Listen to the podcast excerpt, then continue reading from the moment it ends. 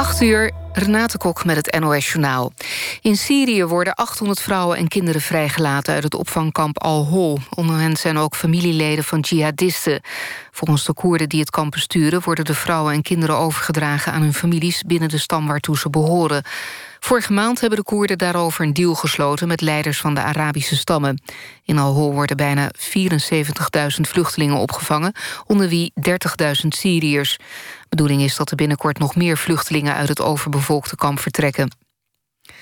De Amerikaanse president Trump ontkent dat hij de vrouw van de Britse prins Harry nasty heeft genoemd. En dat betekent zoiets als vals of onbeschoft. In een tweet ontkent Trump dat hij het woord heeft gebruikt... maar de Sun heeft het betreffende interview deels online gezet. Trump begint morgen aan een driedaags staatsbezoek aan het Verenigd Koninkrijk. Een ontmoeting met Meghan en prins Harry staat niet op het programma. De afhandeling van de aardbevingsschade in Groningen gaat veel te langzaam... en dat leidt tot woede en frustratie.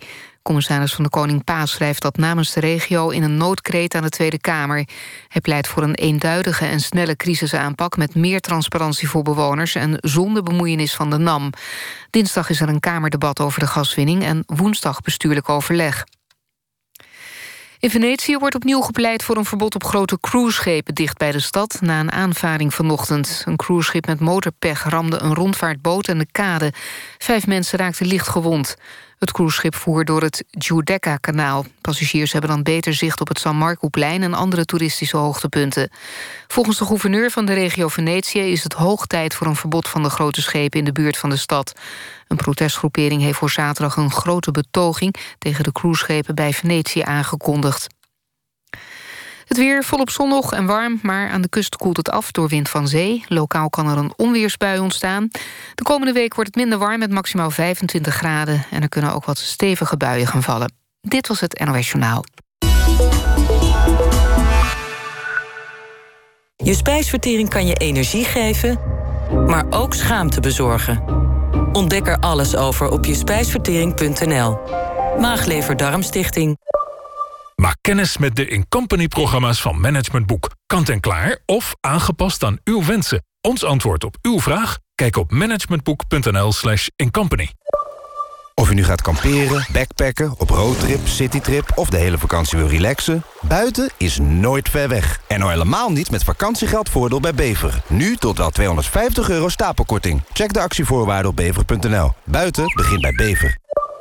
Kom naar Singelaren en maak kennis met zelden getoonde schilderijen... van wereldberoemde Duitse expressionisten als Kirchner, von Jablensky, Nolde en Beckman. Een niet te missen tentoonstelling voor iedere liefhebber van expressionistische schilderkunst. Nu in Singelaren. Wees stoer. Eigenwijs. Fiets de wereld rond. Pak kansen. Drink koffie in de zon. Gooi je autoramen open. Maak van elke dag een festival. Verbaas anderen. Jezelf. Verleg grenzen. Ga voor meer. Kies Promovendum. Vodafone Runners. De beste lentedeals met serieuze kortingen op onze toptoestellen. Ook de zakelijke. Zoals de Samsung Galaxy S10 met 10 gig per maand. Nu met 265 euro korting bij een tweejarig abonnement als je ook Ziggo hebt. Je hebt alleen vandaag nog, dus wees er snel bij. Shop op Vodafone.nl of ren naar de winkel.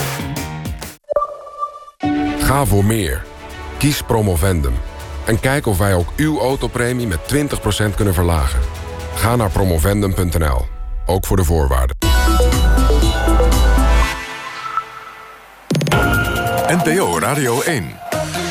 NTR. Mensen met een beperking hebben het recht op een zogenaamd beschutte werkplek. Maar hoezo zit er dan nog zoveel thuis? Moet dierenwelzijn worden opgenomen in de grondwet? En hoe gaan we het lerarentekort in Flevoland oplossen? Live vanuit Almere is dit het debatprogramma van de NTR. Kwesties met Marianne van den Anker. Goedenavond. Elke zondag reis ik in deze knalgele bus van NPO Radio 1 kriskras door Nederland... om het vooral met inwoners te hebben over wat hen aan het hart gaat. Welkom allemaal.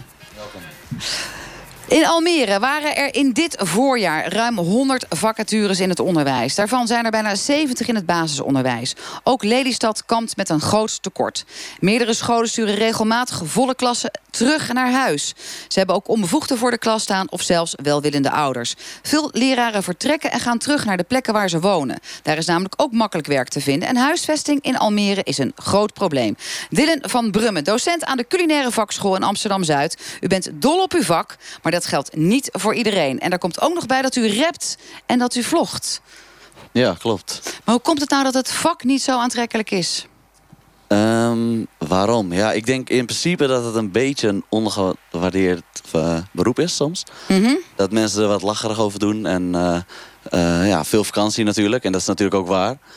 maar het gaat nogal gemakkelijk iedereen's mond uit van... hé hey, ja, oh, je bent docent, lekker hè, vakantie. En wat zeur je nou over je salaris? Dat is letterlijk wat iedereen tegen mij zegt dan. Um, en dat het eigenlijk best wel een pittige beroep is. Het heeft toch wel zware kant ook. Uh, nou, is 30% van de net nieuw jong aangetrokken leraren... iedereen heeft daar moeite voor gedaan, die hebben allemaal die lerarenopleiding gevolgd... die stoppen er weer mee. Ja, inderdaad. Hoe kan dat dan? Um, ja, ik denk dat dat dus uh, twee dingen te maken heeft. Kijk, in het onderwijs kan je natuurlijk, uh, als je voor de klas staat... niet per se super veel groeien, denk ik. Um, je kan wel doorgroeien bijvoorbeeld naar een leidinggevende functie... maar dan ga je natuurlijk niet per se meer voor de klas. En misschien zijn er dus heel veel jongeren met veel ambities... die dan toch misschien verder gaan kijken bijvoorbeeld veel te platte organisatie eigenlijk qua carrière mogelijkheden. Ja, dat is wel heel grof gezegd natuurlijk. Maar uh, er zit misschien nog wel wat, er zitten wat mogelijkheden in. En ik denk ook dat uh, jonge docenten... is best wel een generatiekloof ook in het onderwijs. Um, en dat jonge docenten zich misschien niet altijd gesteund voelen. En dat spreek ik ook een beetje uit ervaring. Niet per se op mijn school, want ik ben heel blij waar ik zit. Maar toch voel je niet altijd helemaal gesteund met jouw nieuwe ideeën. door er toch wat mensen die in de wat oudere mensen, of de mensen die wat langer in het vak zitten, laten we het zo zeggen. Vinden ze jou dan ook te modern? Hè? Want jij gaat door het leven, Dylan, als de rappende en de vloggende docent. Ja, nogmaals, op mijn school word ik, best, word ik echt wel goed gesteund. Um, maar ik denk toch wel, er zijn best wel veel reacties. Ook op LinkedIn bijvoorbeeld, als ik iets plaats, krijg ik toch wel uh, inderdaad wel heel duidelijke reacties van... daar sta ik niet helemaal achter bijvoorbeeld. Maar wat, over wat je dan zegt, of dat je vlogt of überhaupt, rapt? Überhaupt rappen en vloggen. Um, kijk, rappen helemaal. Ik rap natuurlijk in het onderwijs. Um, en heel veel mensen zijn er gelijk, hebben best wel een afkeer daartegen in eerste instantie. Zonder dat ze hebben gehoord wat ik überhaupt doe. Ja, maar jij rapt ook. En die docenten die dat dan allemaal afkeurenswaardig vinden... die hebben helemaal niet de resultaten door van jouw leerlingen. Want die zijn hartstikke content met jouw gerap en jouw gevlog. Ja, ja, het motiveert ze wel. Het motiveert veel leerlingen, zeker. Maar dat is denk ik niet alleen doordat ik rap... Maar vooral omdat ik iets extra's doe en laat zien wie ik ben gewoon. Want rap staat gewoon altijd al in mij. En dat vond ik heel leuk om te doen. Dus ik laat gewoon echt zien wie ik ben. En nog even voor de luisteraar. Rap jij de, de, de stof of rap jij hen uh, door het leven heen? Ook. Ik ben met wat dingen bezig om steeds meer stof ook over te brengen. Um, maar ik rap vooral motiverende teksten zoals een liedje... Doe je best in de les en ik zorg dat je slaagt voor je test. Doe je best, doe je best. Dat dan een. Dat soort dingetjes. En uh, een beetje spelen met dubbele woorden zoals... Ik kan zeggen dat ik klassen heb en ik kan zeggen dat ik klassen heb. Want ik zag mijn hele klas overgaan. Weinig onvoldoendes, dat is fucking vet. Ik zeg wel het woord fucking dus, ja, hoor. Ja, ja. Maar dat doe ik dus een beetje expres om ermee te spelen. Want leerlingen zeggen heel vaak... Oh, dit is fucking vet, dit is fucking vet. En, uh, en dit vind ik wil hun dus laten zien van leren. Dat is pas echt nou, heel vet. Dus. Oh, dat, is, dat is pas fucking vet. als je goede resultaten dan, haalt. ik het dus even bij hun... Uh... Maar verlies je dan, dan die respect? Of denken dan heel veel van die oudere docenten van... oh, die probeert veel te dicht bij die leerlingen te staan. Dat gaat hij niet redden en dan verliest hij zijn gezag? Ja, precies beide eigenlijk van dat. Uh, ik denk gezag bijvoorbeeld, heel veel docenten zeiden het ook eerlijk tegen mij. Uh, van hé, hey, maar je raakt hier je gezag kwijt. Ook bijvoorbeeld leidinggevenden hebben we op, geattendeerd van... let erop dat je niet gezag kwijt raakt. Maar ik heb wel kunnen bewijzen dat in de klas dat gewoon supergoed gaat. Want komen ze binnen en ik tel tot drie, dan is het gewoon stil... en zitten ze klaar met hun boek open en al. Dus ja, en ze halen dus bijna allemaal het overgaansniveau... als ze bij jou in de klas hebben gezeten. Ja, ja, tot nu toe zijn ze allemaal steeds overgaan. Maar ik wil het niet te hard roepen natuurlijk. Want ja, het kan altijd gebeuren dat iemand echt niet overgaat... omdat er gewoon zoveel speelt. En dat ze echt bijvoorbeeld heel veel afwezig zijn geweest... en dat je er echt niks aan hebt kunnen doen. Maar uh, de mensen die welwillend zijn, dus toch op school zijn... die moet het eigenlijk gewoon kunnen redden. En voor de mensen die niet meekijken in deze bus... Uh, dus niet kunnen zien hoe jong jij bent... vertel even jouw leeftijd, Dylan. 27. Ja, hier. En 30 procent van al die uh, andere leeftijdsgenoten van jou... die haken af. Nou, en zo gaan we dat lerarentekort natuurlijk nooit oplossen. Uh, Jusha Koopmans, jij bent vanuit de gemeente Lelystad... de projectleider aanpak lerarentekort. Jullie hebben hier echt een ongelooflijk issue. Vertel, hoeveel leraren komen hier tekort? Nou, vergeleken met Almere zijn we vergelijkbaar. Almere heeft 100 vacatures, wij hebben er 40. We zijn alleen qua schaalgrootte iets minder groot. Uh, dat is een enorm probleem. Dat hebben we ook onderkend met elkaar. We zien ook als gemeente daar een ontzettend grote rol voor ons in. Uh, leerlingen die uiteindelijk uitvallen... nou, dan kun je bijna altijd toewijzen aan weer die docent die voor de klas staat... die zo ontzettend belangrijk is. Dus hebben we met elkaar gezegd, weet je wat, we gaan om tafel. We hebben alle schoolbesturen uitgenodigd, die zijn ook allemaal geweest. En toen hebben we met elkaar een actieplan geschreven. En dat actieplan, uh, daar staan een aantal acties in... die we op korte termijn willen oppakken, middellange termijn en lange termijn. Waarbij ja, vooralsnog is het natuurlijk 20 juni stapje 1. Hè? Dan ja. is er een meeloopdag. Ja, wordt ontzettend leuk. Het, het loopt enorm storm. Hadden we ook niet helemaal voorzien met elkaar. We hebben een, uh, met elkaar bedacht van... wat moeten we nou echt gaan, gaan doen? Wij moeten nieuwe mensen gaan werven. Want wij zitten allemaal in dezelfde vijver te vissen. Doen we met Amsterdam, doen we met Almere. Moet je niet willen. We moeten die mensen die nog niet weten wat het is... laten zien wat een gaaf beroep dit is. Ik kan het ook zeggen, ik ben zelf ook leerkracht geweest. Ik mis het ook nog wel eens, moet ik zeggen. Maar nou, hup weer voor de klas dan, ja, zou ik zeggen. Ik draag nu op een andere manier bij aan onderwijs. Um, wat wij hebben gedaan is, we hebben met alle besturen gezegd... wij doen op één dag uh, alle deuren open van de scholen. En mensen die dat willen, mogen eens echt komen ervaren wat het is. En ik gun dat iedereen, kan ik even bij voorbaat zeggen. Die mensen die dus van tevoren denken van... nou, het, het, lijkt me wel wat, maar ik vind het toch wel spannend. Hoe pak ik dat aan? Van harte welkom om een dagje mee te komen lopen. Nou, dat is dan gezegd, uh, Jusha Koopmans. Heel enthousiast natuurlijk over die 20 juni... maar dat is nog maar slechts een meeloopdag. Ondertussen is het over 2,5 maand schoolvakantie. En hebben jullie hier in uh, Lelystad uh, 40, waar jij vandaan komt... Uh, leraren die jullie nodig hebben. En hier in Almere, waar we met de bus staan, 100... Ja. Klassen gaan naar huis. En we horen van heel veel leraren dat het ook te maken heeft met dat je hier gewoon geen woning kan krijgen in deze omgeving. Willen jullie daar nog iets aan doen als gemeente? Uh, Almere heeft daar een groter probleem mee dan Lelystad. Want wij zijn flink aan het bouwen. Wij hebben woningen beschikbaar. Uh, dus wij zijn echt aan het zoeken naar andere mogelijkheden... om die mensen over te halen om naar Lelystad te komen. Wat zit er in het pakket? Hoger salaris? Ja, dat is allemaal aan de schoolbesturen. Wij als gemeente kijken naar wat wij inderdaad kunnen regelen. Nou, we hebben in eerste instantie überhaupt al gekeken... op de zeer korte termijn. Zouden wij als ambtenaren iets kunnen betekenen? Niet dat we niks aan het doen zijn... maar wel dat we het belangrijk vinden om ook op de zeer korte termijn... gaten te gaan vullen, daar waar mogelijk. Zodat mensen extra zouden gaan werken... of misschien vakantiedagen gaan uh, extra krijgen uiteindelijk. Maar dat is echt de korte, korte termijn. Daar moet je niet naar willen kijken. Dus hebben wij gezegd als gemeente... wij gaan investeren. En dat doen we dus nu ook flink met bijvoorbeeld zo'n meeloopdag... om mensen te enthousiasmeren voor dit beroep. Daarnaast hebben we een netwerken. Doen we mee aan de regionale subsidie om zij-instromers... die, wat net al gezegd werd... Uh, als ze helemaal voor de klas komen te staan... weer uitvallen. Dat willen we echt voorkomen. En de enige manier waarop je dat doet... is door die mensen goed te begeleiden. Want die mensen die nu al zijn stromen instromen... krijgen al wat salaris, moeten het dus zelf doen. Dat, het, het klinkt natuurlijk allemaal fantastisch, Jusha. En we hopen natuurlijk ook dat het gaat lukken. Want het is in het belang van alle kinderen... en ook van deze regio natuurlijk waar we zijn. Uh, tegelijkertijd zit hier een hele bus vol met alle andere mensen... met meningen te over. Kelly Roelofs, jij ja. uh, begeleidt uh, vanuit de stichting Be Aware... kinderen die eventueel in aanraking komen... of zijn geweest met drugsmisbruik. Dat heb je zelf ook ervaren. Ja. En je bent ook nog moeder van drie kinderen... Ja, dat leraren tekort. Uh, vind je dat ze het hier goed aanpakken? Nou ja, zoals ik er een beetje naar luister... en ook, nou, ik kom dus op scholen door heel Nederland... en als het gaat om de jongere docenten... wat ik wel veel hoor, is dat ze het ook soms wel echt wel zwaar hebben voor de klas. De jongeren dagen soms ook uit. En sommige docenten staan gewoon nog volgens mij niet sterk genoeg in hun schoenen ook. En die hebben daar volgens mij daar vooral het stukje begeleiding eigenlijk ook in, no in nodig. Van, hè, om wat sterker voor die klas te staan. Want hij, als ik jou zo zie, sta je er. En B, sta je er. Dylan, je staat je mannetje. En je bent leuk met ze. Uh, maar sommige docenten vinden het echt heel moeilijk. En, dat, nou ja, en dan komt er natuurlijk ook bij dat de waardering voor het vak ja. als leraar... en zeker als man, het wordt toch ook vaak meer een, ja. een vrouwenberoep... dat die waardering is natuurlijk ook niet zo groot. Je bent een beetje een suf uh, type als je natuurlijk kiest voor het onderwijs. Oh, maar Kelly? zelfs ouders gaan zich mee... Ik denk altijd dat het op dit moment echt wel anders is. Als je nu ook iets zegt of je neemt een telefoontje af of whatever... gaan in één keer ouders zich ook mee bemoeien. Ik heb wel het idee dat het nu lastiger is dan vroeger... als ik dat zo zou moeten zeggen. Is dat zo, Dinnen? Nou ja, ik zat hier vroeger niet in het onderwijs natuurlijk, dus dat weet, dat, zo weet ik het niet. Ehm, maar ik spreek wel eens met docenten die dus wat lang in het vak zitten. En die hebben eigenlijk dezelfde ideaal nog steeds als ik. Dus precies hetzelfde. Ehm, maar dan laten ze het niet per se zien. Dus ik vraag dan ook van hoe komt dat nou? En ik denk dan echt van, nou die haatkinderen. Dat, dat dacht je vroeger ook natuurlijk wel eens.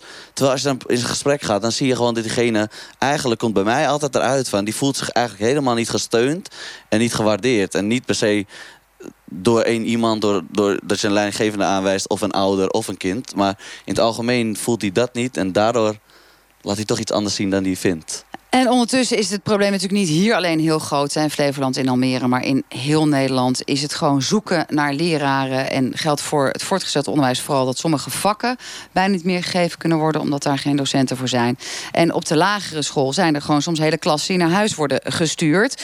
Um, Paulien Floor, je bent van de Gele Hesjes Almere. Je bent bioloog, natuurgenezer. Is hier uh, voor dat lerarentekort nog een natuurgeneeskundig uh, receptje te halen? Hoe kijk jij er tegenaan? Ja, nou, uh, preventie is de beste genezing. En als je kinderen goed onderwijs geeft en uh, ze zijn betrokken bij het onderwijs... en uh, ze vinden het leuk, ze zitten goed in een vel, dan leren ze goed. En dan krijg je ook later minder problemen met, met een ander onderwerp dat we straks hebben... dat de jongeren moeilijk aan het werk komen.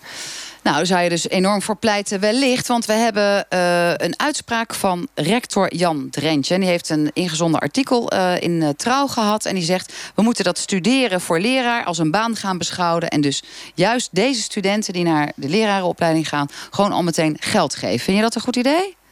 Het is een optie. Het is wel een manier om het uh, aantrekkelijker te maken. En ik heb begrepen dat, uh, ja, dat de tekorten alleen nog maar verder oplopen. Ik zit ook op Twitter. En uh, ik heb een, een, Twitter gelezen dat, dat echt per 2000 zoveel... de, ja, de tekorten in de leraren zo enorm zijn opge, uh, opgelopen. Dat er echt gewoon een structurele verandering moet. Maar ik denk dat er ook uh, ja, nog, nog veel meer uh, te veranderen en te verbeteren valt. En daarom ben ik ook zo blij dat ik bij de gele hesjes zit. En dat wij ook serieus genomen worden om hier aan tafel te zitten. Dan ben ik wel ja, heel vereerd. Vind ik leuk. Goed om te horen. Ja. Kelly Roelofs, ehm, ja. vind jij dat een goed idee? Dat als leraren kiezen voor het vak... dat dat meteen een baan wordt... dat je tijdens je studietijd al gewoon wordt betaald?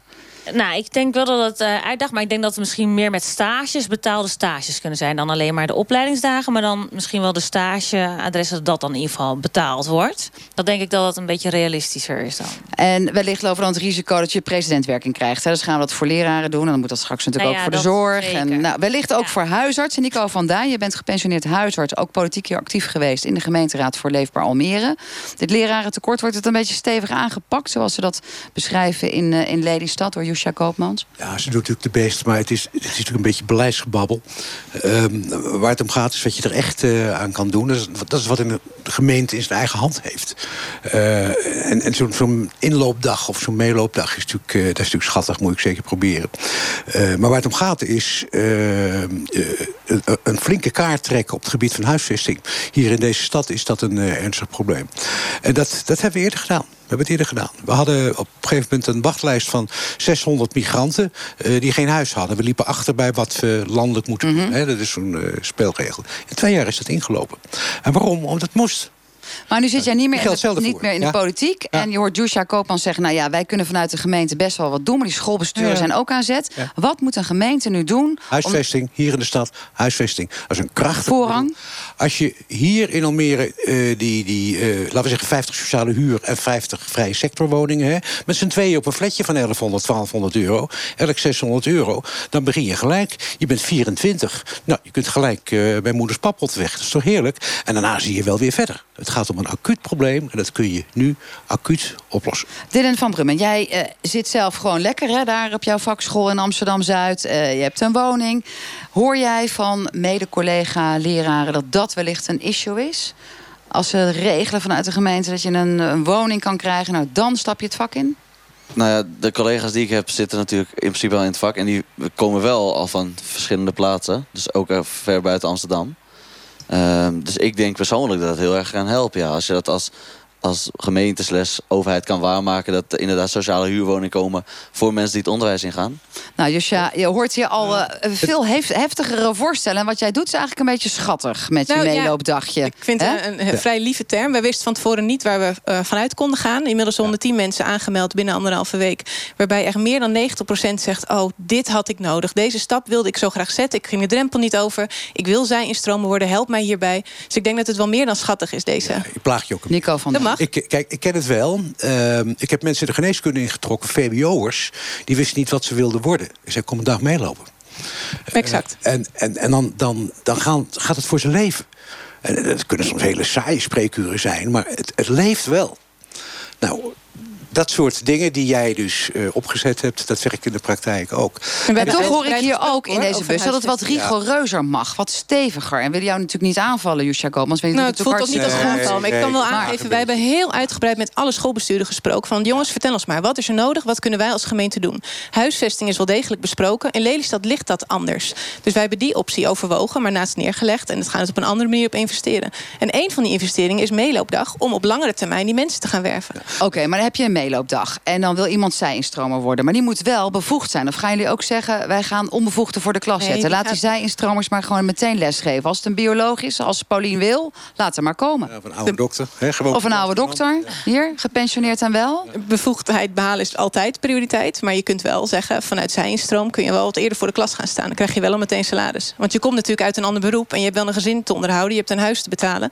En daar is die zij-instroom voor. Maar wij hebben juist op een subsidiemogelijkheid ingeschreven... van een half miljoen samen met Almere en met Dronten... om die zij-instromers te begeleiden. Want die, die echte pareltjes zitten in de zij-instroom. Dat zijn zulke goede mensen met een berg ervaring... vanuit hun eigen expertise, hun eigen levenservaring.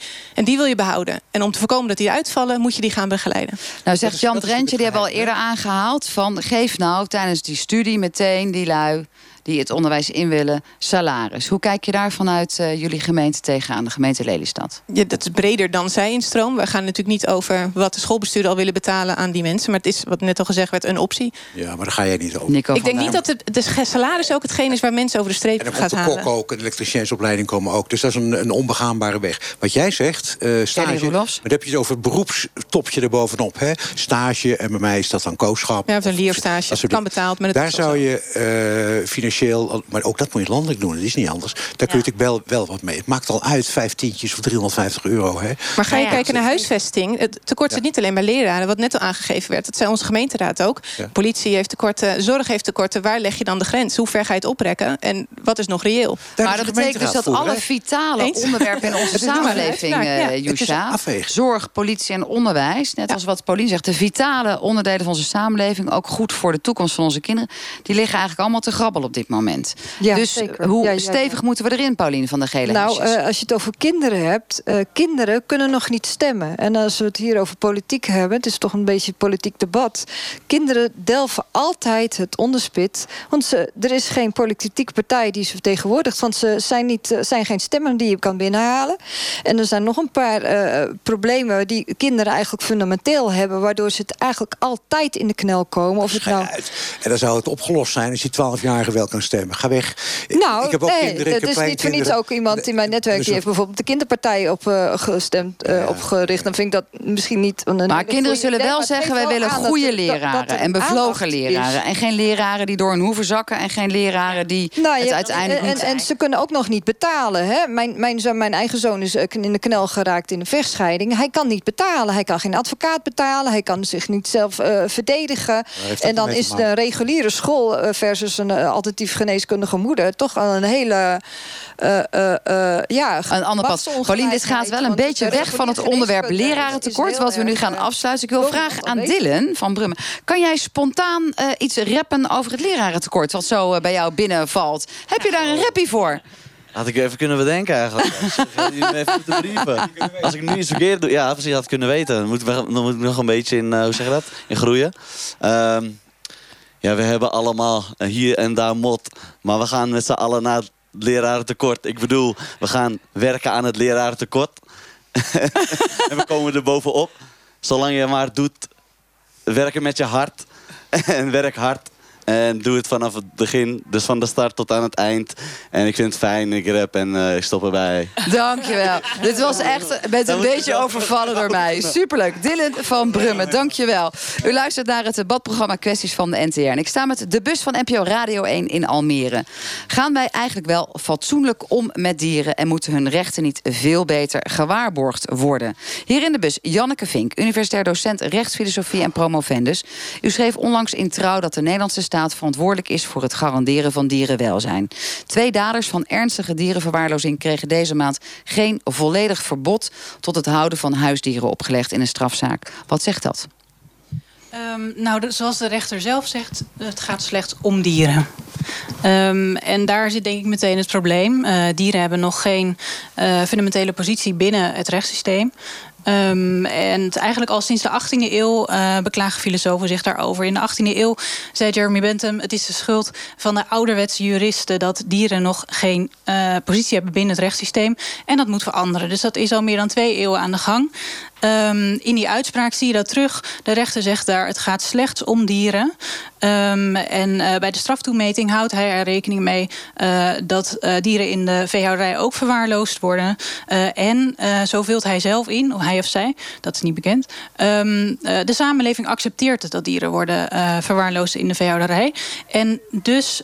Dus zeg jij in de grondwet met dat dierenwelzijn? Ja, zeker, zeker. En wat zijn dan de belangrijkste argumenten om dat in een grondwet op te nemen? Ik denk dat onze grondwet wat dit betreft nog, ja, ouderwets is een groot woord, maar wel wat aanvulling uh, behoeft.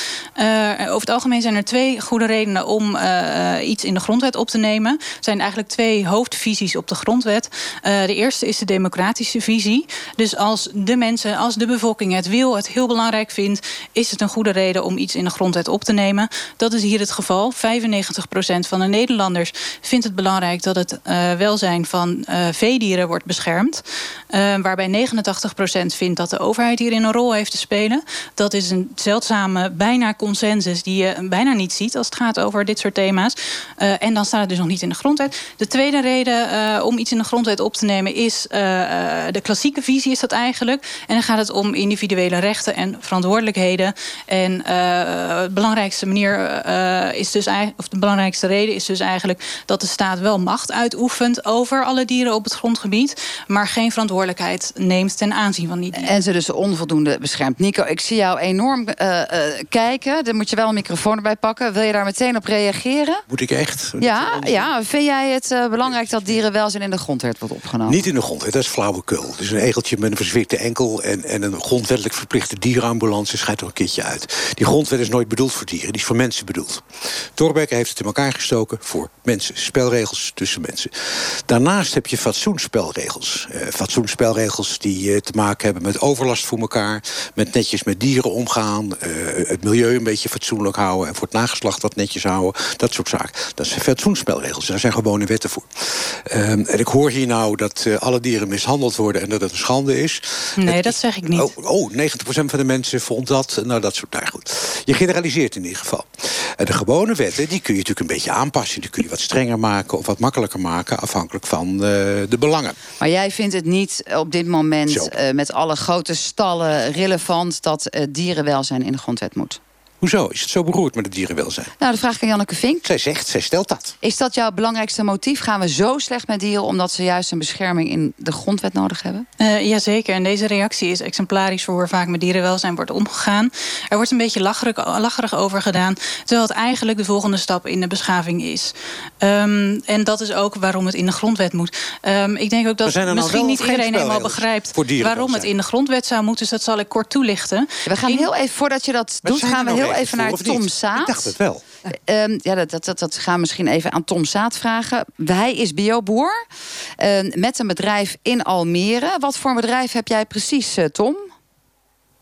Wij hebben een uh, gemengd bedrijf, dus wij hebben uh, veel akkerbouw en groenteteelt. En uh, we hebben dus ook veehouderij. En die veehouderij die heeft ook als, als rol in ons bedrijf dat die dat hij zeg maar, de kringloop rondzet. Hè? Dus de, het, het vee zorgt voor de mest. En uh, die mest die, laat die groentes goed groeien. En zo gaat dat uh, cirkeltje rond. En is het uh, dierenwelzijn op uw gecombineerde boerderij gegarandeerd?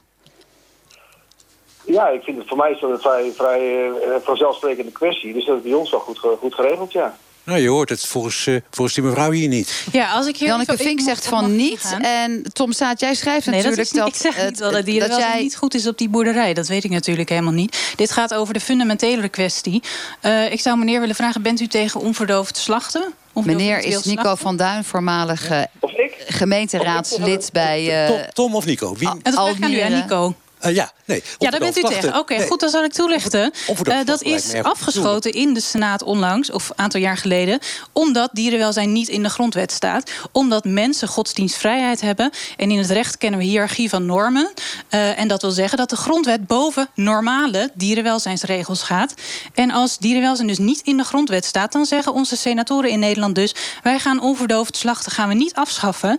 want dat is in strijd met de grondrechten van mensen. Daar zie je duidelijk naar voren komen dat het nodig is om dierenwelzijn op dezelfde hoogte te tillen als onverdoofd slachten. En dan pas kun je die twee zaken uh, juist tegen elkaar afwegen. Janneke Vink, dat, dat is zo dat dieren hele, voorgaan. Dat is dan een eerlijke afweging. hele juridische uh, omschrijving en, en ook een botsing der normen. Maar Tom Zaat die heeft uh, ingebracht en ook geschreven dat hij vindt dat 90% van de Nederlanders bij de inkopen een andere keuze zou kunnen maken. En als je dat doet, dan is het dierenwelzijn misschien ook gewoon geregeld. Dat het geen rechtskwestie is, maar een kwestie van de consument. Klopt dat, Tom? Ja, maar, maar dat, dat, dat, zit een beetje aan. Uh, Jan Vink die zegt dat wel zo mooi, dat iedereen dat het dierenwelzijn zo belangrijk vindt. Maar dat blijkt in de praktijk helemaal niet zo, niet zo het geval te zijn. Want mensen beleiden dat vaak wel met de mond. Maar als het dan op, op daden aankomt en je staat in de winkel... Dan, dan, dan, wordt er een andere keuze gemaakt. Dan wordt er een keuze gemaakt voor, voor vlees uit de intensieve houderij. Dus maar vind jij dan... Serieus is dat, zo serieus is het allemaal niet wat de, wat de mensen daarvan menen. Dat, dat geldt in, eigenlijk het algemeen in het leven. Ik bedoel, mensen zijn altijd, als je eraan vraagt, zijn ze voor een mooiere wereld. Maar als het op daar aankomt, dan doen vaak mensen het tegenovergestelde. En, en daar zit een beetje het probleem. Tom Saat, zou jij, laten we je dan aan, aan de, uh, uh, tot de groep rekenen van boeren die het goed met dieren voor heeft. Um, ja. Maar er is dus ook een groep boeren die dat niet heeft. En juist ook ja. vaststelt van... joh, we zetten ze met z'n allen heel kort op elkaar... en uh, varkentjes ja. op van die roostertjes... en kippen met te veel bij elkaar met ontopte vleugeltjes. Ben jij er dan als goede boer bij gebaat... als dierenwelzijn in de grondwet wordt opgenomen? Nee, ik vind het, ik vind het onzin. Ten eerste ben ik helemaal eens met wat, wat Nico al zei. Want natuurlijk is de grondwet die is gewoon voor mensen. Punt uit. Dat is, dat is niet voor dieren. Dat, is onzin. Dat wil niet zeggen dat er fatsoensregels zijn. Ik vind wel dat je fatsoenlijk met dieren om moet gaan. Maar het is nou één keer zo... dat verreweg het grootste deel van de mensen... koopt in de winkel het liefst het aller, aller, aller, aller goedkoopste. En dat betekent gewoon dat die dieren op die manier gehouden worden. Ja, het is niet anders. Ja. En, en, en, en, je hebt gewoon een gigantisch pak boter op je hoofd... als je dan in de enquête zegt... dat natuurlijk ben ik voor dierenwelzijn. Terwijl als je dat op aankomt en je staat in de winkel... dan kies je ervoor om niet voor dierenwelzijn te zijn. Dus zo, zo simpel is het eigenlijk. En daarom is ook, die, dat is ook het idee van die grondwet. Die grondwet die is eigenlijk voor de individuele mens. De rechten van de individuele mens. En de individuele mens die moet ook aangesproken worden... En als je de individuele mens aanspreekt, dan moet hij ook die, dat fatsoen nemen. Dan moet hij gewoon zeggen, joh, ik, ik koop voortaan gewoon dat ik geef net dat eurotje meer uit. Tom Saat, is een helder betoog. Ook waarom jij vindt dat dierenwelzijn niet in de grondwet moet worden opgenomen... dat die voor mensen is. Laatste woord, tot slot aan jou, Janneke Vink. Overtuig ons nog één keer allemaal, heel kort. Twee punten. Eerste punt, wie bepaalt wat er in de grondwet komt?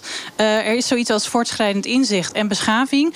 Duitsland uh, kent al dierenwelzijn in de grondwet, dat is het eerste punt. Tweede punt, natuurlijk kiezen mensen als ze in een supermarkt staan... anders dan uh, als ze voor een enquête moeten antwoorden. Um, in België is gevraagd... wilt u dierenwelzijn in de grondwet? Toen toegelicht werd wat dat inhoudt... zeiden meer mensen, 3% meer mensen... dat ze het inderdaad wilden. Uh, en de grondwet heeft een moraliserende functie. We nemen op wat mensen moreel gezien willen... en niet hoe ze handelen. Anders had die grondwet überhaupt geen zin. Dat gezegd hebben, danken wij Janneke Vink. Dank je wel dat jij uh, hier bij Kwesties hebt uh, gesproken vanuit jouw vakgebied. En Tom Zaat vanuit Almere Bioboer. Blijf luisteren naar Kwesties, want zo direct praten we hier vanuit Almere... waar onze bus staat over beschutte werkplekken. Veel gemeenten slagen er maar niet in om mensen met een arbeidsbeperking aan een baan te helpen. Maar eerst, bij een maatschappelijk probleem, bij een kwestie... kan er nou net één iemand zijn die echt het verschil maakt. We vroegen hem daarom deze week aan acteur Kees Boot... Bekend van onder andere Baantje, Spangas en Allstars. Wie heeft voor u nu het verschil gemaakt? Degene die voor mij het uh, verschil heeft gemaakt is Emiel van Loon. En Emiel van Loon, dat was mijn handarbeiдлeraar op mijn middelbare school. de Almere College. Gek genoeg heette het Almere College, terwijl ik woon in, er woonde in Dronten. En ik moest dan voor de bovenbouw ook nog eens een keer naar Kampen. Dat is nu schijnbaar veranderd, maar eh, vroeger moest ik dan elke dag naar Kampen toe. 12 kilometer heen, 12 kilometer terug. En daar hadden wij een handarbeidsleeraar, Emiel van Loon. En Emiel van Loon die organiseerde de grote avonden. En de grote avonden, dat waren dan de toneelavonden van het Almere College. Elk jaar was dat. En dat duurde een aantal dagen. En dan mocht iedereen mag langskomen. En, eh, en hij heeft mij altijd weten te motiveren om mee te doen. En aan de hand van die grote avonden heb ik eigenlijk bij mezelf gedacht... hier wil ik verder in. Dus toen, toen ik nog op het Almere zat... heb ik toelatingsexamen gedaan in Maastricht. En daar was ik toen op een gegeven moment ook aangenomen. Dus vandaar dat ik naar de toneelschool ging. En eigenlijk de grootste motor achter de hele keuze voor de toneelschool... was Emiel van Loon. Dus daarom is Emiel eigenlijk wel degene die mij de goede kant op heeft geduwd. En daar ben ik hem nog steeds heel erg dankbaar voor. Heel actueel. Ook met dat lerarentekort dat uitgerekend de handen bij het acteur, eh, leraar van de Drontense acteur Kees Boot hem eh, het zetje heeft gegeven de goede richting in. Kwesties met Marianne van den Anker. U luistert naar het debatprogramma van de NTR. En ik sta met de bus van NPO Radio 1 in Almere. Daar doen ze het heel goed als het gaat om beschut werk. Werk voor mensen met een arbeidsbeperking. Staatssecretaris van Sociale Zaken Tamara van Ark schreef afgelopen week aan de Tweede Kamer dat gemeenten hun verplichtingen bij het vinden van beschut werk niet nakomen. Begin dit jaar hadden ze zo'n 4600 mensen aan een beschutte werkplek moeten helpen, maar dat is maar voor de helft gelukt. Hoe komt dat? Maar vooral, wat is er aan te doen en wat is hier het geheim in Almere? Bij mij in de bus Bas. Bas van Bulten. Jij bent als uh, beschut werker bij de dierenopvang in Almere Jungle aan de slag. Dat is een opvang voor kleine zoogdieren, reptielen, vissen, vogels en insecten. En sinds 2016 heeft Almere Jungle ook een dierentuinvergunning. En het is opgezet als een sociale werkplaats. Heeft het lang geduurd, Bas, voordat jij deze werkplek hebt kunnen vinden? Uh, nou, sinds ik er bezig ben, ja, ik weet niet meer wanneer het exact wanneer ik exact op deze tour ben gegaan. Maar, oh ja, nog even. Nee, je moet even de microfoon wat dichter bij okay. uh, ja. Dank u. Maar mijn, uh, even wat corrigeren. Mijn achternaam is uit de Bulten. Ja, excuses. Ik zit dat helemaal verkeerd voor te lezen, Bas. Bas uit de Bulten. Ja.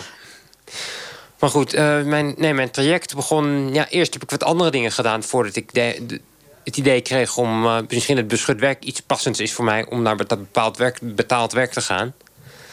Maar uh, ja, en wat doe jij? Want het is een enorm leuke plek volgens mij voor jou om te werken. Maar wat doe jij precies bij Almere Jungle? Uh, ik ben een van de, de dierenverzorgers. Ik werk, doe dat samen met, uh, met, de, met de vaste medewerkers. De stagiaires en onze, wat wij, wij noemen deelnemers. Maar dat zijn dus onze cliënten. Het zijn dus gewoon kids en jongeren, met, volwassenen met een uh, afstand. Of een beperking of een een ander handicap. Bas, Bas uit de beeld. Als het gaat over beschutte werkplek, gaat het ook altijd over mensen met een beperking. Het is niet anders, zo noemen we dat dan. Welke beperking heb jij? Nou, ik ben uh, in ieder geval een uh, ontzettende autist. Dat wel. Vandaar dat je ook direct zei, mijn naam moet wel goed worden uitgesproken. Ja. En terecht. Um, en dat betekent ook dat jij misschien bepaalde begeleiding nodig hebt. Of werk je helemaal zelfstandig? Nou, het is wel voor mij voornamelijk... Uh, ik heb wel uh, veel, veel doe ik zelfstandig... maar ik wil altijd dat ik snel aan de bel kan trekken... als ik hulp nodig heb of als er wat aan de hand is. Heeft het jouw leven beter gemaakt dat je werkt? In ieder geval wel, ja. Nu werk ik echt uh, zelfstandig... Met een, met een betaald inkomen en... Gun jij het iedereen? Hm? Gun jij het iedereen? Ja, gunnen wel, maar of het haalbaar is... en of het dan de rest niet tekort komt... dat durf ik niet te zeggen. We kunnen niet zomaar zeggen van iedereen... jij gaat nu werken, jij doet nu dit, jij doet nu dat. Moet wel allemaal... Uh, ja, het potje moet bij het dekseltje passen. dat is mooi gezegd, hè? want dat is ook precies waar het hier straks ook nog verder in dit uh, debat over zal gaan. Potjes en dekseltjes en dat het allemaal bij elkaar moet komen. Saskia van Brenk, jij bent van het gemeenteteam Almere dat verantwoordelijk is voor beschut werk. Um, jij doet het in de praktijk. Hoe doe jij dat? Gewoon, dagelijks? Heel veel netwerken, dat is belangrijk. Wij uh, zitten veel rond de tafel met speciaal onderwijs, met de bedrijven en met organisaties, zodat we tijdig iedereen in beeld hebben. Um, en we spreken altijd een proeftijd af. Want Bas werd net gevraagd hoe lang heeft het ongeveer geduurd. Um, ik heb samen met Bas de indicatie aangevraagd voor beschut werk. Dat duurt ongeveer acht weken. En we hebben bij beschut werk een proefperiode van acht weken... om te kijken, lukt het echt op de werkplaats. Dus wij zitten ook veel bij de organisaties en bij de mensen thuis. En eh, zit je dan ook veel bij de wethouder aan tafel? Want die zit hier ook in de bus. Jerzy Soetekau. Jij doet het hartstikke goed, hè? Want in Almere stond er voor jullie eh, 65 eh, eh, plekken als target. En jullie hebben 73 Almeerders aan het werk gekregen met een beschutte baan. En dan is het jaar nog niet eens voorbij. Ja? Wat is het geheim? Het geheim eh, zit onder andere tegenover me. Saskia. De van eh, Saskia en eh, een van haar andere bezielende collega's... die echt vol toewijding met deze opgave aan de slag gaan.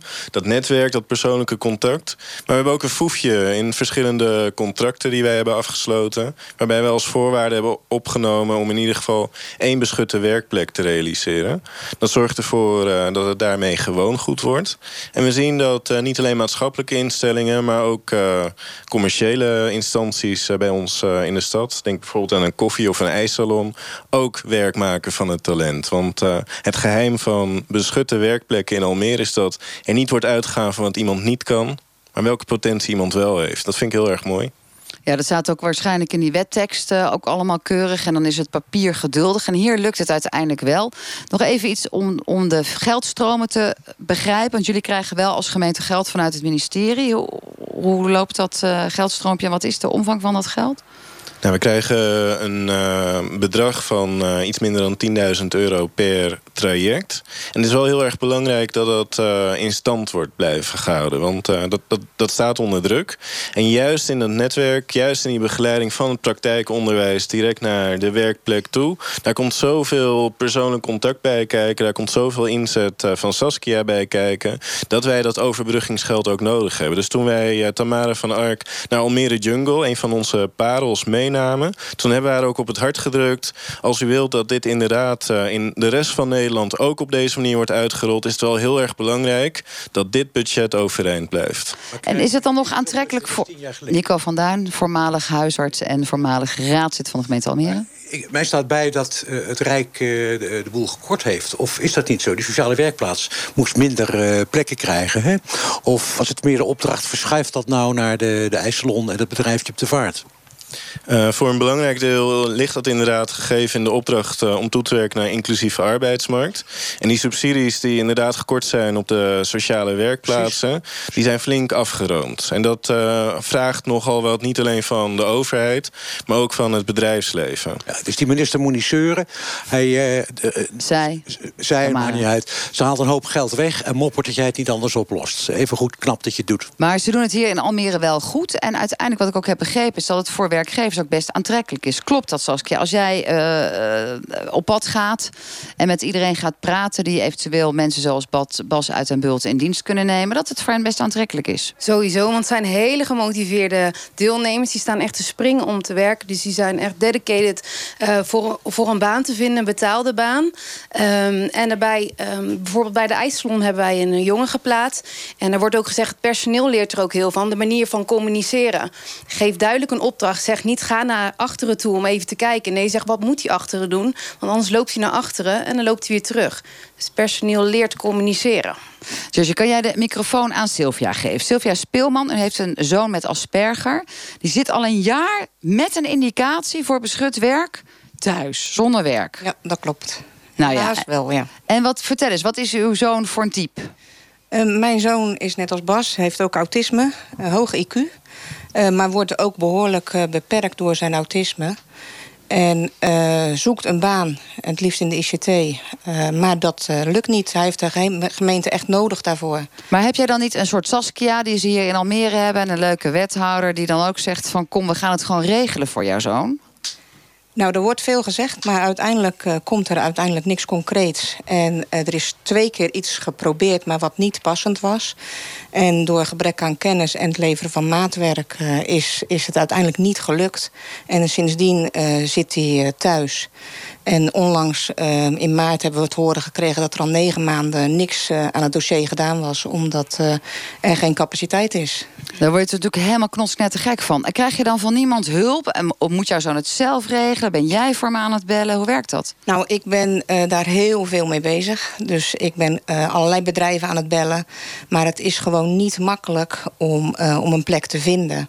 En ik denk dat de gemeente met netwerken dat veel beter kan... dan dat ik dat naast mijn gewone werk eh, ook nog moet gaan doen. Dus ik probeer dat wel. En ehm, daar komt af en toe komt daar wel een gesprek uit... Uh, maar het is, het is lastig uh, om iets te vinden. Dus en bij wie kun je nou te raden gaan? Want op een gegeven moment hij heeft een indicator voor beschut werk. Hè, dus hij wil. Ja. Bij wie kan je nou aan de... Aan de, aan de je kan hier gaan zitten bij kwestie, maar, hebben we het ook morgen niet opgedest. Misschien bij... Oké, okay. vertel, ja, Pauline ja, van, de, van de gele hesjes. het woord autisme. Uh, autisme is een, in principe een hersenaandoening. En de hersenen hebben ook voedingsstoffen nodig. En autisme is... Ik, nou, ik durf niet te beweren dat alle autisten helemaal te genezen zijn. Maar er zijn enorme veranderingen te bewerkstelligen bij autisme. Als je kijkt uh, naar voedingsstoffen en uh, naar voedselallergieën. Oké, okay, dit is uh, nou, opgelost. Dat zegt Pauline ja, Floor.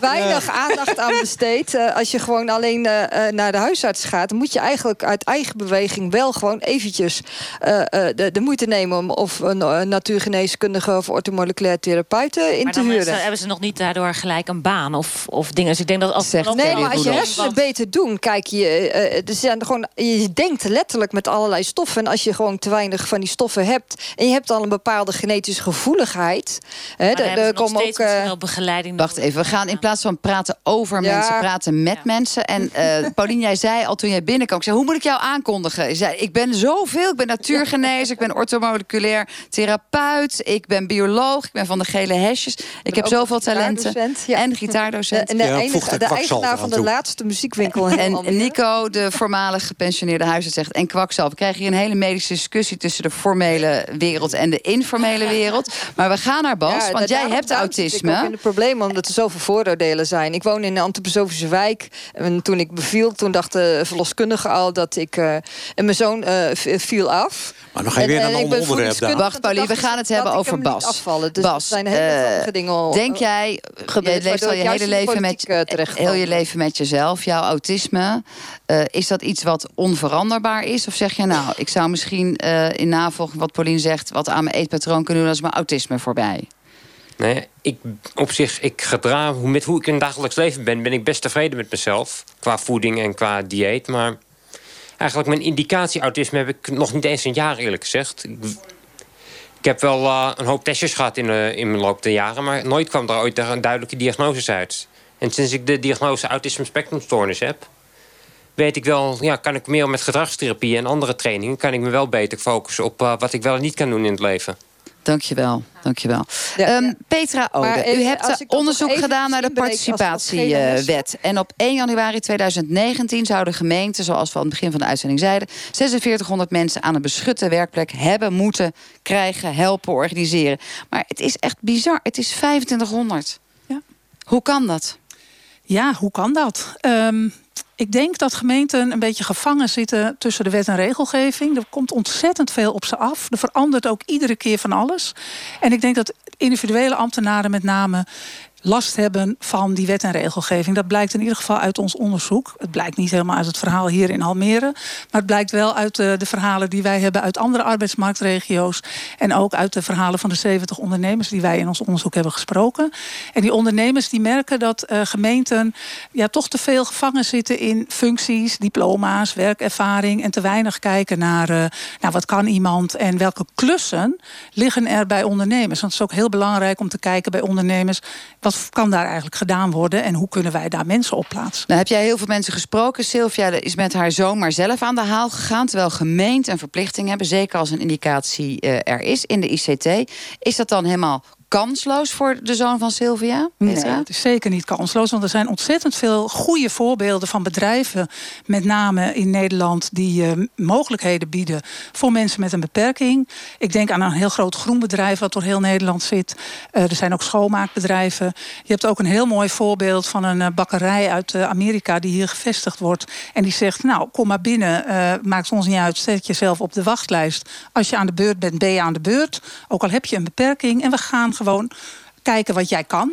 Dus, en, dat soort bedrijven zijn er steeds meer. Dus ik denk dat er zeker. Maar is het dan waar wat er vanuit het kabinet wordt gezegd van de trend is de goede kant op, we moeten nog even wennen, het komt allemaal goed? Want dat is de formele kabinetsreactie. Van kijk eens, we gaan vooruit en uh, moeten allemaal even wennen, komt het heel snel goed. Nou, het is natuurlijk wel zo dat gemeenten hebben te maken gehad ook met drie decentralisaties. Dus het was ook wel lastig. Maar ja, ik denk, dit is wel een structurele taak van gemeenten. En gemeenten hadden zich hier ook op kunnen voorbereiden. En uh, het is inderdaad, wat net al in Almere gezegd werd, heel belangrijk om ook te netwerken met ondernemers. Om ze ook echt te leren kennen. En plekken te vinden, ook voor de zoon van Sylvia. Ja. Justus Soetekau, jij bent wethouder hier in Almere. Jullie doen het goed, hè? We hebben het al gehoord dat Saskia, een van jouw toppers in het team, gewoon op pad gaat en het gewoon regelt met bedrijven. En ervoor zorgt dat mensen een beschutte werkplek kunnen krijgen. Toch de verhouding tussen overheid en gemeente. Want in principe is het een verplichting. Staat er zelfs ook een boete of zo op als je die voor elkaar krijgt als gemeente? Klopt. Helpt dat om als overheidslagen zo met elkaar om te gaan? Ik denk dat het uh, wel nodig is om uh, dat formeel af te dwingen. Maar wat veel belangrijker is, is dat wanneer er decentralisaties uh, richting de gemeente worden geplaatst, dat er ook boter bij de vis komt. denk bijvoorbeeld aan de nieuwe inburgeringswet, die zometeen ook weer van het Rijk naar de gemeente komt. Je pakt er even lekker een ander politiek dingetje erbij, natuurlijk. Ik pak hem omdat, net als bij deze decentralisatie, ook bij die, eerst moet worden gekeken in hoeverre dat ook financieel haalbaar is. In hoeverre dat eh, uitvoerbaar is voor de ambtenaren op de werkvloer. Want na die drie decentralisaties, na de decentralisatie passend onderwijs, kunnen we niet nog meer verhapstukken. Maar dat is wel een stevige boodschap die ik hier uh, wil ja, afgeven. Jij, en tegelijkertijd luister ik daarna, denk ik, ja, en het is dus gewoon heen en weer gepingpong tussen overheidslaag rijk en overheidslaag gemeente. Terwijl we hier gewoon zitten met mensen die geen beschutte werkplek kunnen vinden. En het, het mooie wel van die decentralisatie is wij kennen de inwoners beter. Dus wij zijn ook in staat om meer adequaat passende zorg te leveren. Of het nou gaat om het vinden van een werkplek... of het nou gaat om het vinden van zorg. Maar daar hoort wel ook een financiële bijdrage voorbij. Dus bij een eerstvolgende decentralisatie is het belangrijk... dat eerst die doorrekening goed plaatsvindt. En nou, wellicht zou naast die doorrekening ook nog iets gedaan kunnen worden aan het makkelijker maken voor bedrijven. Petra Odi, je hebt er onderzoek naar gedaan naar die participatiewet en ook die bevestiging vanuit jouw kant dat door die decentralisatie nogal een gedoe was. Maar voorlopig tellen de cijfers: 4600 beschutte werkplekken moesten er worden geregeld in Nederland en het lukt gewoon niet. Wat zou bedrijven helpen? Wat bedrijven helpt is dat de gemeente de bedrijven kent. En dat gemeenten niet denken voor uh, bedrijven, maar dat uh, gemeenten in gesprek gaan met bedrijven en kijken waar liggen de mogelijkheden en waar liggen de plekken. En dat ze ook met uh, aan verwachtingsmanagement doen. Dus dat ze ook weten, deze persoon heeft die beperking. Dus uh, wij, wij, laten die persoon zelf vertellen wat zijn beperking is. Of als die persoon zelf niet weet wat zijn beperking is of dat niet goed kan vertellen. Wij uh, geven in ieder geval heel duidelijk aan de werkgever door waar die beperking ligt. Dus werkgevers ondersteunen ook. En ook werkgevers begeleiden. Nu is het vaak zo dat die begeleiding houdt na een half jaar op. Maar ja, die persoon met die beperking heeft niet een half jaar een beperking. Die heeft zijn hele leven een beperking. Dus die begeleiding moet ook doorlopen. Maar ik wil wel zeggen dat uh, de staatssecretaris Tamara van Ark luistert wel heel goed naar bedrijven. Die gaat ook overal langs. En die gaat ook iets doen aan die begeleiding en aan het doorlopen van de begeleiding. Want begeleiding is ontzettend belangrijk. Saskia van Brenk, ik neem aan dat jij dat vanuit eh, de gemeente Almere alleen maar kan bevestigen. Want jullie zijn succesvol daarin. Um, hoe haal jij uh, bedrijven over die toch nog denken... ja, weet je, dan heb ik types zoals Bas uit Den Bult... daar ben ik eindeloos veel tijd aan kwijt. Of misschien straks de zoon van Sylvia Speelman. En ze zijn niet productief en ik moet toch gewoon uh, mijn omzet draaien. Sowieso in de proefperiode zien ze wel juist dat iemand heel veel toevoegt. Um, en wat wij ook hebben, wij werken veel samen met speciaal onderwijs. En wij zien veel bij stageplaatsen dat er veel meer mogelijkheden ook daarna zijn.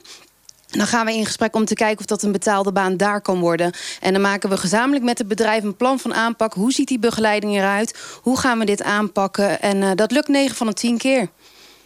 Kijk, Nico, Nico van Je mag trots zijn, hè? Jij hebt hier in de gemeenteraad gezeten van Almere. dit loopt ik ken nog wat mensen uit het uh, bedrijfsleven hier... en die ervaren dit ook als maatschappelijke plicht, moet ik zeggen. Uh, ze willen dat graag, ze vinden dat belangrijk ook. Dus één ding wat ze vragen is maar één ding. Dat geneuzel met die spelregels en dingen voor elkaar krijgen op de achtergrond... neem dat nou van mij af en laat de rest aan mij over. Al moet ik er verlies op draaien, al moet ik er een paar uur extra begeleiding in stoppen... ik vind dit belangrijk. En dan komen dus die persoonlijke verhalen boven. Mijn neef heeft het syndroom van Down en ik weet wat het is. Het is me wat waard. Maar die spelregels op de achtergrond en de bijwerkingen van de spelregels zou je dat alsjeblieft mee naar huis willen nemen? En ik hoor het wel eens oplost. En Nou, die komt ondertussen Saskia en de wethouder Jersey Soetekouwen aan. Kelly Roelofs, um, uh, ik had het net over vooroordelen. Dacht ik, nou, misschien zit dat bij jou ook wel. Je bent zelf drugsverslaafde geweest. Je komt nu veel op school en geeft voorlichting over drugsverslaving. Veel kinderen met drugsverslaving komen misschien later ook van de problemen hebben beschut werk nodig. Hoe kun je vooroordelen wegnemen tegen mensen met een vlekje? Nou, ik denk sowieso om gewoon echt naar de mensen te luisteren. Wat ik wel heel mooi vind van jou is dat je ook echt luistert en daarmee ook bij de werkgever luistert en dan een mooie combinatie maakt. En ik vroeg me gewoon ook af daarin of, of, of jij ook zo iemand hebt. Want ik denk dat het wel belangrijk is om echt iemand te zien. En alle, alle, alle, alle bureaucratie wat je hebt met alles wat moet, waar je aan de regeltjes moet vasthouden. Soms lopen we zo daarin vast dat we de mens niet meer zien. Ik snap dat het niet makkelijk is, maar uh, het is je kunt het ook anders zien. Ja, met die spelregels verander je niet zomaar. Die zijn er nog één keer. Als het kabinet komt zometeen met weer een pakket... en dan wordt het Ja. helemaal chaos. Waar het om gaat, is dat je binnen de organisatie, binnen de gemeente... één, twee, maximaal drie gezichten hebt... Mhm. met een naam en met zweetvoeten die je kent... waar je op terug kunt vallen. Hoeft er nog ineens één Maar dat vind ik een hele mooie. Maar niet tien die je niet kent. Eén en twee collega's van je. Dat werkt. In, plaats Almere lijkt dat goed een geregeld. bent. Dat er gewoon echt een mens is in En plaats van een nummertje. Kelly, jij geeft dat ook Vaak goed aan dat dat belangrijk is. Maar ondertussen hebben we hier Sylvia Speelman in onze bus zitten. Die uit welke gemeente komt met jouw zoon? Uit de gemeente Hoekse Waard. Hoekse Waard, dat is eh, om de hoek van eh, Rotterdam zo'n beetje. Je bent in ieder geval heel ver hier naartoe gekomen. Kleine gemeente. Om te praten over jouw zoon met Asperger... die maar geen beschutte werkplek kan krijgen. Nee. Hoe luister je naar? Wat moet er gebeuren? Want we hebben nog vijf minuten uitzending. Nou, ik vind het allemaal zeer eh, bewonderenswaardig hoe Almere dat eh, oppakt. En dat zou ik graag ook zien in de Hoekse Waard.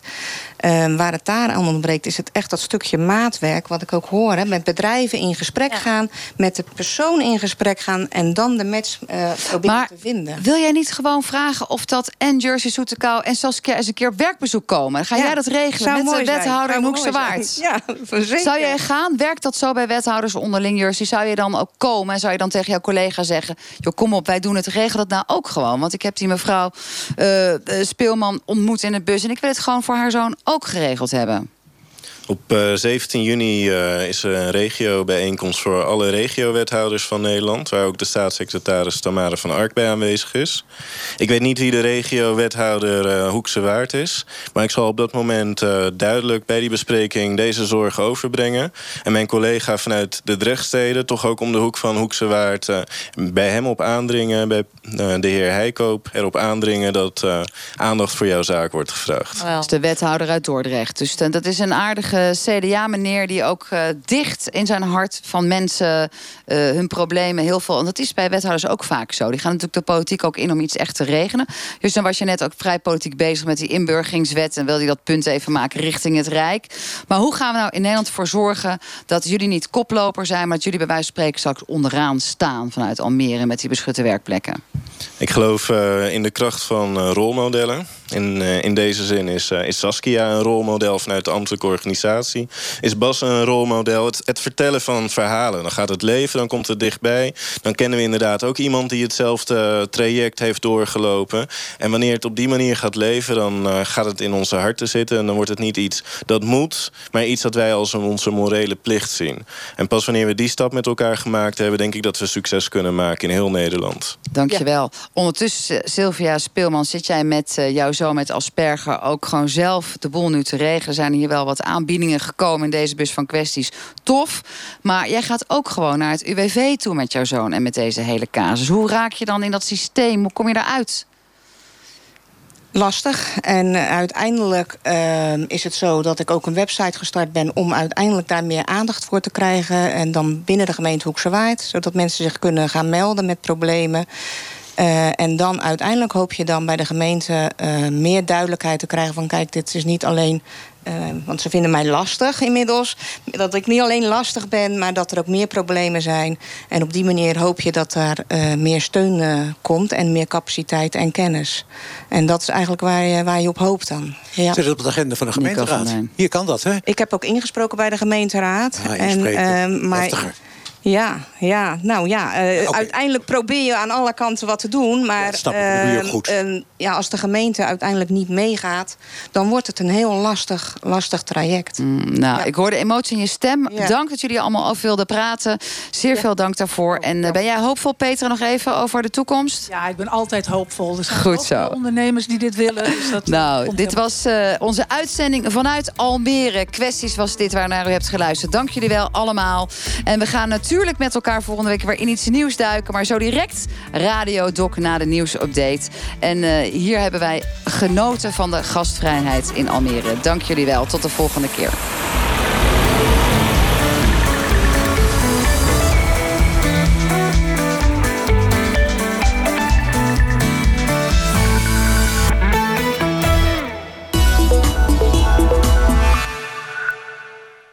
Stevo Akkerman in gesprek met voormalig aartsbisschop Rowan Williams over onze moraal en waar die vandaan komt. Could you say that the anxiety of the people is justified or understandable? It's understandable. That doesn't mean that it ought to be the, the driver of our politics. In Maar wat is dan goed? Vanavond 10 over 11, nieuw bij de EO op NPO 2. Zo, 35 bijen gered. Wat plastic rotzooi uit het milieu gehouden. De atmosfeer een kilootje CO2 bespaard. Een paar boeren een eerlijk salaris betaald. En 100% biologische boodschappen gedaan. Ecoplaza. Boordevol blije boodschappen. Kijk voor meer blije boodschappen op ecoplaza.nl. Hermitage Amsterdam bestaat 10 jaar en heeft bijna 5 miljoen bezoekers ontvangen. Dit zag u nog nooit. Matisse, Rembrandt, Van Dijk, Velasquez. Ze komen nu samen in onze jubileumtentoonstelling. Een feest voor de kunstliefhebber. En u bent uitgenodigd. Via de audiotour leid ik, Katelijne Boers, directeur Hermitage Amsterdam, u persoonlijk rond. En even gekozen voor voeding in plaats van vulling. Met de goed gevulde kokosmelk van Terrasana. Ecoplaza. Boordevol blije boodschappen. NPO Radio